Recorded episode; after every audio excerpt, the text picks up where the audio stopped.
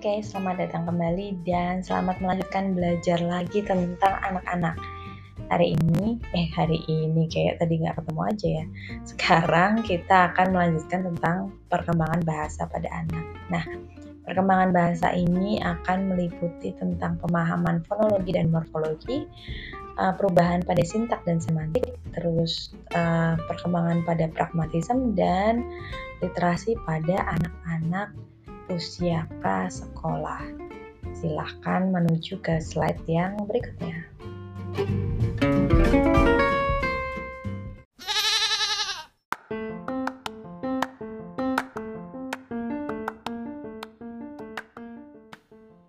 Oke, sekarang kita ada di slide 15 ya, sekedar mengingatkan biar gak ada yang salah. Oke, uh, teman-teman ingat nggak sih kapan uh, kamu bisa belajar suatu kata dan bahkan menggunakan kata dasar yang sama tapi pada berbagai setting. Nah, pada usia 3 sampai 7 tahun atau usia prasekolah itu yang pertama terjadi pada perkembangan bahasa kita adalah yang pasti kita sudah bisa menyebutkan semua huruf vokal A, I, U, E, O. Nah, semua ini sudah bisa disebutkan. Sebenarnya untuk anak-anak yang berbahasa lain mungkin juga ada uh, vokal lain yang sudah dia pelajari. Misalnya kalau di Jawa itu ada E dan E. Wait, saya kok jadi agak lupa ya. Tapi pokoknya ada E yang dicoret dan E yang tidak dicoret ya. Nah, uh, kita sudah bisa mempelajari itu tapi ngomong-ngomong saya berarti nggak lulus juga ya karena karena waktu pelajaran bahasa Jawa saya juga kadang tidak bisa membedakan yang dicoret dan tidak dicoret yang mana. Tapi uh, memang sewajarnya anak-anak 3 sampai 7 tahun sudah bisa semua huruf vokal dan sebagian besar huruf konsonan. Jadi dia diharapkan sudah bisa menguasai hampir semua huruf konsonan. Biasanya sih yang paling susah huruf apa? huruf R karena kan banyak anak-anak cedel ya itu karena dia belum bisa melafalkan huruf R dengan tepat. Begitu. Tapi rata-rata di usia 7 ke atas sudah bisa. Kecuali memang ada yang punya permasalahan sehingga memang masih cedel sampai seterusnya. Nah Selain itu, ketika dia menguasai suatu kata, dia sudah mulai bisa membedakan eh, bentuk-bentuk kata untuk diletakkan di mana. Kalau dalam bahasa Inggris sih biasanya dia udah bisa mempelajari past tense. Kan uh, di bahasa Inggris ada past tense. Nah, di bahasa Indonesia tidak ada past tense sih, tapi uh, dia sudah bisa misalnya nih mengatakan matikan dan mati itu berbeda. AC-nya mati dan matikan AC itu uh, dia sudah tahu bahwa satu kata dasar yang sama itu bisa diubah dengan diberi imbuhan. Nah, di sini adalah rule terkait pembentukan suatu kata itu dia sudah mulai memahami di usia 3 sampai 7 tahun. Makanya ketika sudah 7 tahun dia sudah bisa belajar uh, kalimat-kalimat sederhana uh, yang maksudnya secara uh, formal di sekolah. Karena dari usia ini pun dia sudah mulai bisa membedakan penggunaan kata yang satu bentuk tapi berbeda uh, sorry yang satu kata dasar tetapi berbeda bentuk.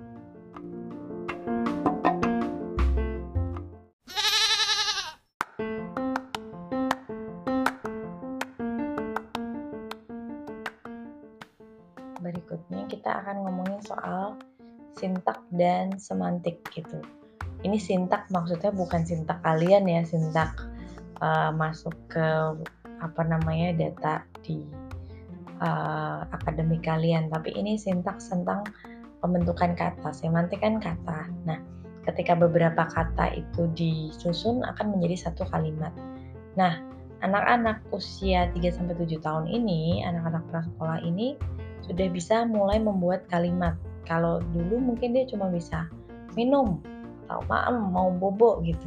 Tapi uh, belum bisa uh, membuat kalimat yang uh, mama mau makan misalnya gitu atau kalimat-kalimat uh, yang uh, lebih panjang aku mau pulang sekarang misalnya seperti itu nah itu sudah bisa dia pelajari di masa ini, di masa prasekolah. Nah, yang paling menarik adalah perkembangan kata seorang anak.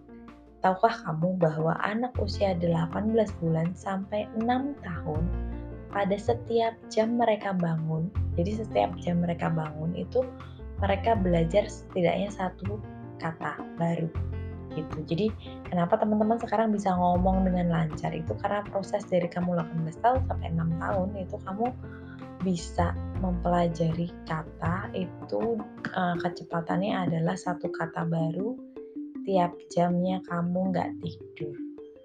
Jadi begitulah caranya seorang manusia bisa mempelajari banyak kata-kata.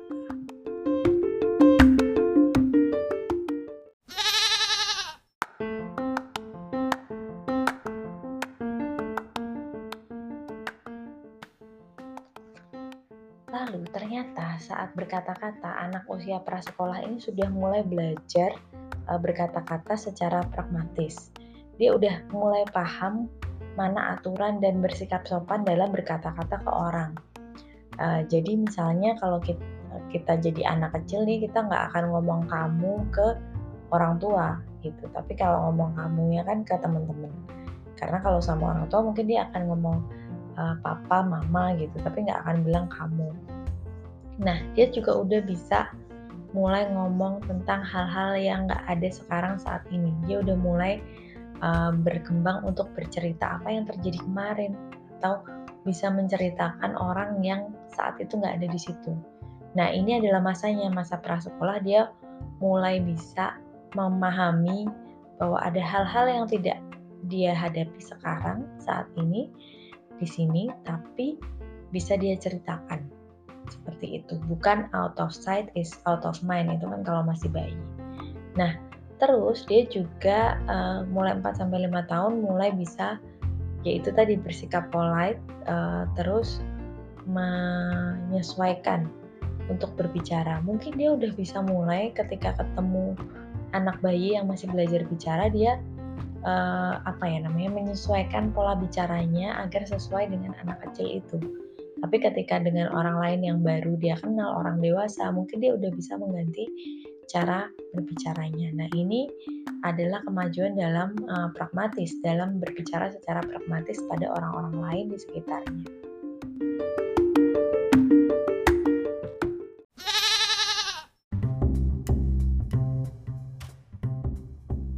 Yang terakhir pada perkembangan bahasa adalah tentang literasi loh bukannya anak prasekolah tuh belum harus baca Iya betul mereka belum harus baca tapi sebenarnya kesukaan untuk membaca itu bisa dididik atau dikembangkan dari usia ini tapi bukan paksaan ya tapi kesukaan dalam membaca nah konon katanya kalau seorang ibu itu lebih berpendidikan maka anak-anak juga akan lebih punya keinginan untuk membaca atau uh, membuka literasi mereka gitu. Nah, dan literasi di rumah itu sering kali didukung oleh adanya pengalaman. Artinya apa? Misalnya dari kecil uh, orang tuanya sudah mengajak untuk membaca buku, buku-buku cerita gitu. Nah, dia pasti akan suka nih untuk membaca buku cerita dan nantinya bisa membaca baca yang lain. Lalu selain itu adalah kualitas dari keterlibatan seorang ibu apakah ibu bisa mengajak anak um, bercerita dan um, membuat anak tertarik. Kalau teman-teman lihat sebenarnya buku cerita di luar itu lebih menyenangkan untuk um, membuat anak-anak tertarik. Kalau buku cerita kita itu kata-katanya banyak banget. Tapi kalau buku cerita yang luar itu kata-katanya sedikit dan membiarkan anak berimajinasi dan mungkin akan berinteraksi dengan orang tuanya saat membaca cerita itu.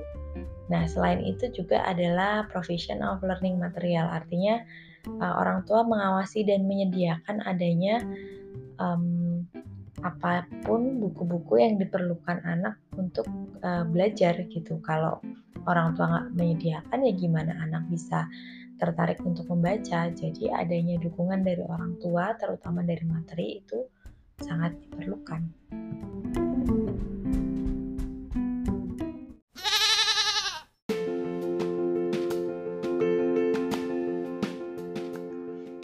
Nah, bagian terakhir yang akan kita bicarakan hari ini adalah tentang perkembangan sosio-emosional.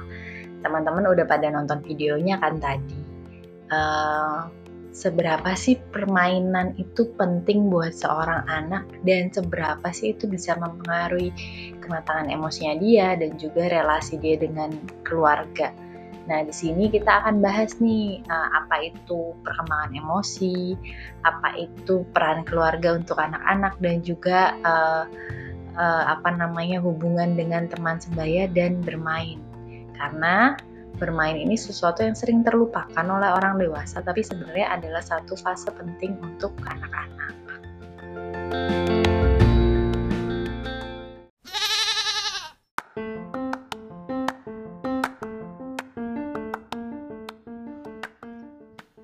Kita akan membicarakan tentang perkembangan emosi seorang anak.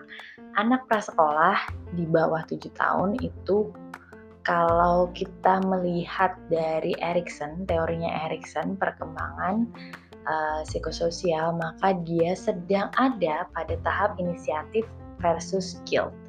Artinya, pada tahap ini, uh, bagaimana sih interaksi dia dengan orang di sekitarnya? Ketika orang tuanya itu bisa memfasilitasi dia, maka akan muncul inisiatif-inisiatif berikutnya. Kalau tidak, justru muncul rasa bersalah. Misalnya nih, seorang anak menjatuhkan um, suatu vas atau gelas sampai uh, berantakan. Kira-kira apa yang biasanya dilakukan orang tua saat itu? Kalau kebanyakan orang tua itu uh, yang saya pernah lihat ya adalah memarahi seorang anak. Ah gimana sih? Mungkin karena orang tuanya cemas, takut pecahan kacanya kena anaknya jadi luka. Lalu kemudian setelah memarahi justru orang tuanya yang membersihkan, ya nggak? Itu sering sekali terjadi. Ini membuat apa? Membuat anak merasa bersalah karena dimarahin, tapi tidak membuatnya terampil untuk bisa bertanggung jawab. Nah, kalau kita mau memajukan dia, terutama di inisiatif versus guilt ini, justru ketika dia melakukan kesalahan, kita akan bilang, oh ya, kamu uh, apa namanya menjatuhkan si gelas ini gitu kan. Kamu juga bisa bilang ini kenapa tadi kok bisa jatuh? Oh ternyata kurang hati-hati. Ayo kita bereskan bersama. Jadi tidak terlalu dibentak, tapi yang lebih penting adalah membantu membereskan. Nah dalam membantu membereskan tentunya perlu di uh, apa namanya disesuaikan dengan kemampuan si anak. Kalau misalnya masih terlalu mengerikan untuk dia nyapu kaca, ya udah bantu aja ambilin si sapunya atau plastik atau apa gitu yang bagian yang tidak berbahayanya gitu. Jadi pelan-pelan dia bisa belajar kalau dia melakukan suatu kesalahan, kalau dia menemui suatu problema, itu dia berinisiatif untuk membetulkan itu. Kalau kita hanya memarahi, tapi kita juga yang melakukan, hanya membuat dia merasa bersalah tanpa uh, membuat dia bisa tahu apa yang dia lakukan. Nah, di sini akan sangat berpengaruh nanti ketika dia sudah besar gitu. Jadinya uh, kalau sudah besar punya masalah, apakah dia bisa berinisiatif untuk melakukan sesuatu atau hanya diam saja tenggelam dalam rasa bersalahnya. Nah, selain itu yang terjadi pada uh, perkembangan emosi anak usia ini adalah dia sudah lebih banyak bisa mengungkapkan emosi. Kalau anak-anak sebelumnya mungkin hanya menangis atau sedih, tapi nggak bisa ngomong kalau dia marah atau takut. Nah, di usia ini sudah waktunya nih kita mengajari, oh itu namanya marah, oh itu namanya nggak suka gitu. Kita juga mengajarkan untuk menerima semua emosi gitu, bukan terus kita ngomong anak cowok nggak boleh nangis, atau anak cewek nggak apa-apa kalau nangis terus gitu. Bukan seperti itu. Tapi justru uh, kita beritahukan uh, semua emosi itu ada apa aja. Jadi nanti perkembangan emosinya itu juga bisa berjalan dengan baik. Nah lalu di sini juga muncul yang namanya moral reasoning tapi berdasarkan konsekuensi maksudnya gimana uh, anak tahu suatu perbuatan itu baik atau buruk itu bukan berdasarkan uh, hakikatnya dia baik atau buruk, tapi berdasarkan konsekuensi yang diterima. Jadi kalau misalnya anak melakukan sesuatu, terus dia mendapatkan konsekuensi yang dia nggak suka, maka dia tidak akan mengulanginya. Tapi kalau dia melakukan sesuatu dan dia mendapatkan konsekuensi yang dia suka, dia akan mengulanginya. Nah, yang sering salah di bagian ini adalah uh, orang tua itu kadang memarahi anak. Misalnya nih, uh, anaknya rame atau kenapa gitu ya. Terus orang tua marah-marah. Tadinya orang tua diem aja nih. Misalnya uh, orang tua lagi sibuk kerja di depan laptopnya, terus uh, anaknya mau ajak main, terus ngomongnya pelan-pelan uh, mama aku mau main ntar mama lagi sibuk kata ibunya terus dia agak agak tinggi lagi nih berapa menit kemudian. Ma ayo main. Udah naik kan. Terus ibunya ngomong bentar mama lagi sibuk. Lalu kemudian uh, ketiga kalinya dia marah dan mungkin melempar sesuatu ayo main sekarang gitu. Nah ibunya yang dari tadi nggak nggak beranjak dari tempat duduknya kemudian beranjak dari tempat duduknya terus marah-marah misalnya seperti itu. Ini adalah suatu konsekuensi yang didapatkan anak-anak. Tapi orang tua sering heran loh, udah dimarahin kok diulang lagi. Nah, kita perlu lihat nih, ternyata uh, konsekuensi ini adalah konsekuensi menyenangkan loh dimarahin sama orang tua. Karena apa? Karena sebelumnya ketika dia ngomongnya biasa aja, orang tuanya bahkan nggak berpaling, nggak nggak ngeliatin si anak tetap ngeliat laptopnya dan cuman duduk aja. Tapi begitu anak ini marah, orang tua mungkin marah gitu tapi kemudian dia mendekati si anak nah ini adalah uh, moral reasoning based on consequences. Jadi anak jadi tahu bahwa oh kayaknya bener nih aku marah. Karena apa? Karena aku akan mendapatkan perhatian. Jadi kalau kita mau membentuk anak di usia ini pastikan kita tahu apa yang menjadi uh, respon yang dia inginkan dan pastikan kita memberikan respon yang dia inginkan ketika perilakunya tepat gitu. Just, justru ketika dia marah seperti itu harusnya kita abaikan, tapi kalau misalnya ketika dia ngomong baik-baik, mungkin kita bisa dekati dan kita bisa ajak bicara, beri perhatian di situ. Nah, berikutnya adalah tentang peran gender atau uh, jenis kelamin. Di sini anak-anak sudah mulai uh, mengenal jenis kelamin dan mungkin sudah mulai bisa membedakan mana temanku yang cowok dan mana temanku yang cewek. Bahkan udah mulai ngomong ah ini temanku cantik nih gitu. Itu di TK kan udah mulai nih ada kayak gitu nah karena dia sudah mulai mempelajari perannya suatu gender di sini.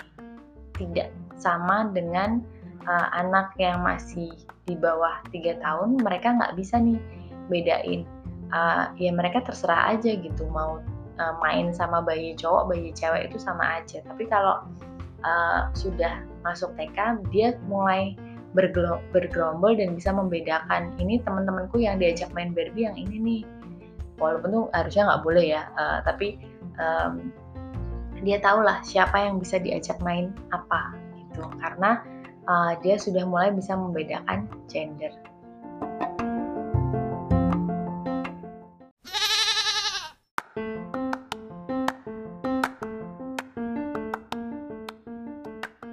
Berikutnya adalah tentang keluarga. Gimana sih peranan keluarga pada anak-anak usia prasekolah ini? Nah, eh, teman-teman pasti sudah pernah belajar soal eh, pengasuhan, pola pengasuhan orang tua. Ada yang otoritarian, ada yang otoritatif, dan lain sebagainya.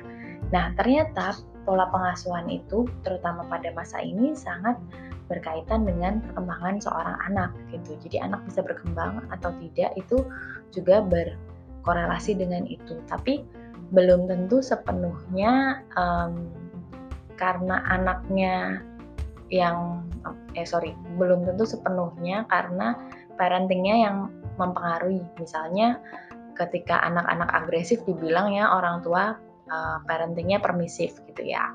Nah bisa jadi gara-gara orang tua permisif dia jadi agresif, atau bisa jadi kebalikannya, gara-gara anaknya udah punya bibit agresif, orang tuanya jadi permisif deh ngalahan aja. Jadi kita nggak tahu mana yang sebab, mana yang akibat, tapi memang ada banyak uh, korelasi antara uh, parenting style atau pola pengasuhan dengan perkembangan anak seterusnya. Nah, dalam mengasuh itu sebenarnya yang terbaik adalah kedua orang tua itu sama-sama memberikan pengasuhan pada anak. Jadi bukan cuma dibagi bapak cari uang, ibu ngasuh anak tidak. Jadi tolong dengarkan calon bapak-bapak yang ada di sini. uh, mengasuh anak itu nggak cuman tugas dari ibu, tapi juga tugas dari ayah. Karena adanya co-parenting, artinya kedua orang tua itu bekerja sama untuk mengasuh anak itu akan mengurangi resiko anak mempunyai problem-problem tertentu di masa dewasanya. Jadi kalau kedua orang tua benar-benar mengasuh anak bersama, maka anak akan lebih aman dari problem-problem psikologis atau perilaku di masa mendatang. Nah, di masa ini memang banyak terjadi uh, maltreatment atau uh, apa namanya bisa dibilang penganiayaan pada anak-anak uh, seperti itu dan mulai munculnya mungkin di masa ini karena masa ini anak-anak sudah mulai bisa memberontak sudah mulai bisa bersikap sudah mulai bisa terlihat menyebalkan nah abuse dan neglect ini adalah suatu bentuk pengabaian yang uh, seharusnya tidak boleh dilakukan oleh orang tua. Dan jika terjadi mulai dari masa ini, maka dampak psikologisnya ke anak-anak tentu akan uh, lebih banyak lagi.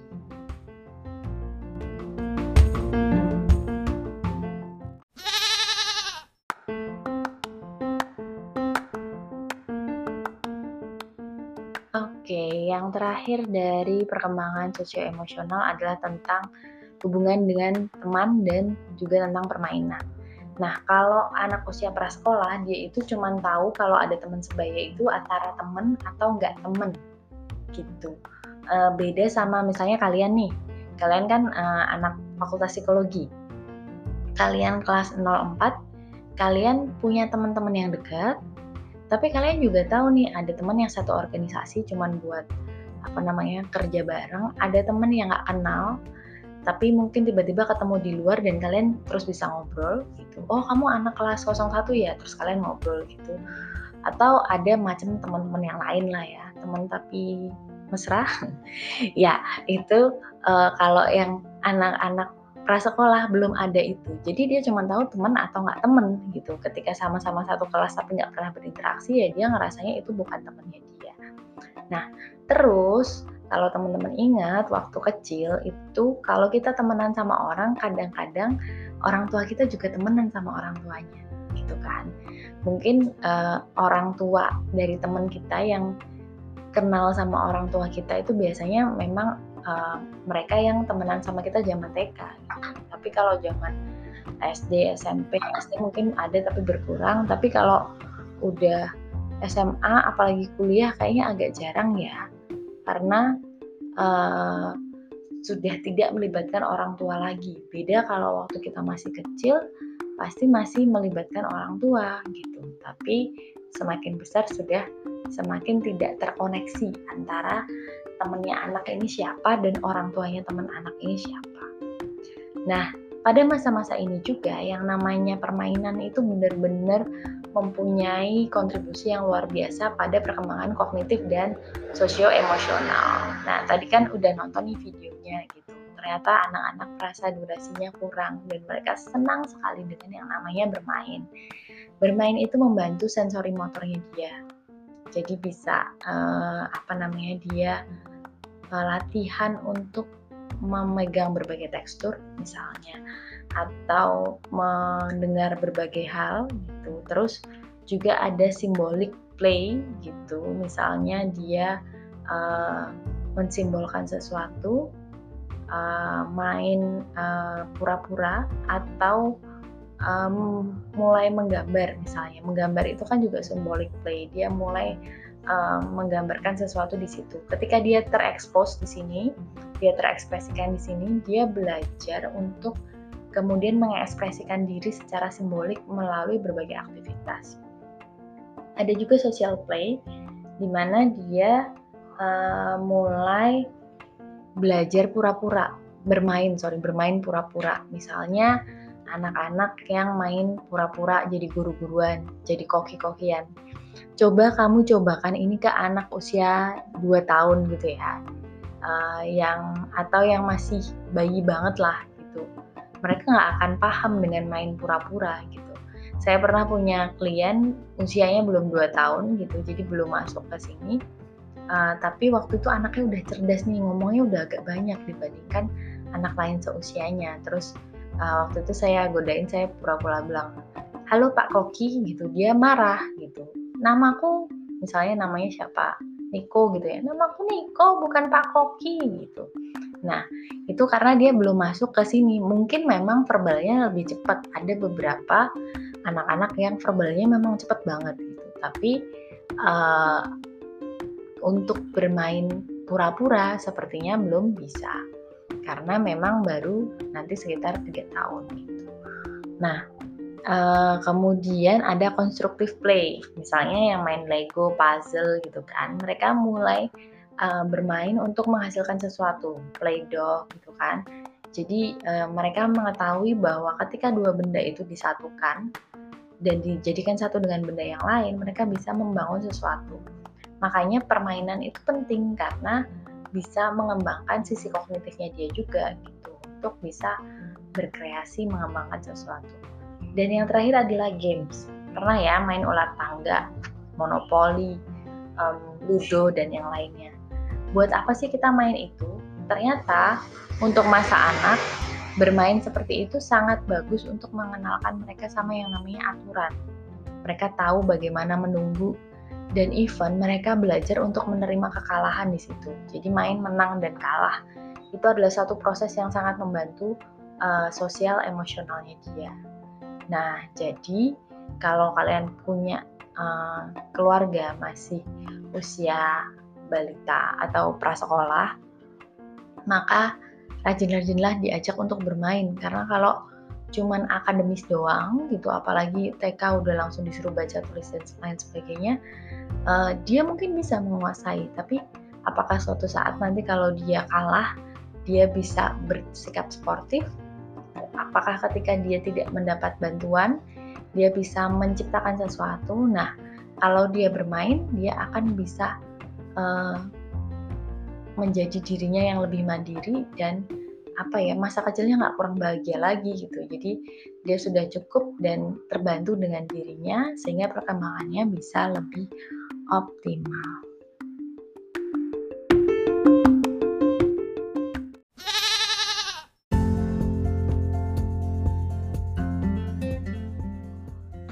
Oke, perkuliahan hari ini sudah selesai. Eh, tapi jangan lupa ada kuis dulu. Silahkan mengerjakan kuis untuk memahami apakah kalian udah benar-benar uh, paham materi hari ini. Dan kalau ada pertanyaan, uh, saya membuka forum diskusi. Teman-teman silahkan tuliskan di forum diskusi situ. Jadi uh, nanti akan saya jawab setelah uh, saya ada waktu gitu ya. Jadi Uh, kalau ada yang bingung boleh ditanyakan. Hari ini kita memang hanya membicarakan perkembangan anak-anak masa awal, tapi kita tidak membicarakan gangguannya. Jadi kalau teman-teman mau nanya soal gangguan, tunggu Jumat minggu depan. Besok Senin masih ada Bu akan membawakan tentang uh, anak-anak masa madya, anak-anak madya, terus baru hari Jumatnya saya bawakan lagi soal gangguan gangguan pada anak. Begitu. Oke, terima kasih. Selamat mengerjakan kuis dan jangan lupa absen di cyber ya. Absennya di attendance di cyber. Terima kasih.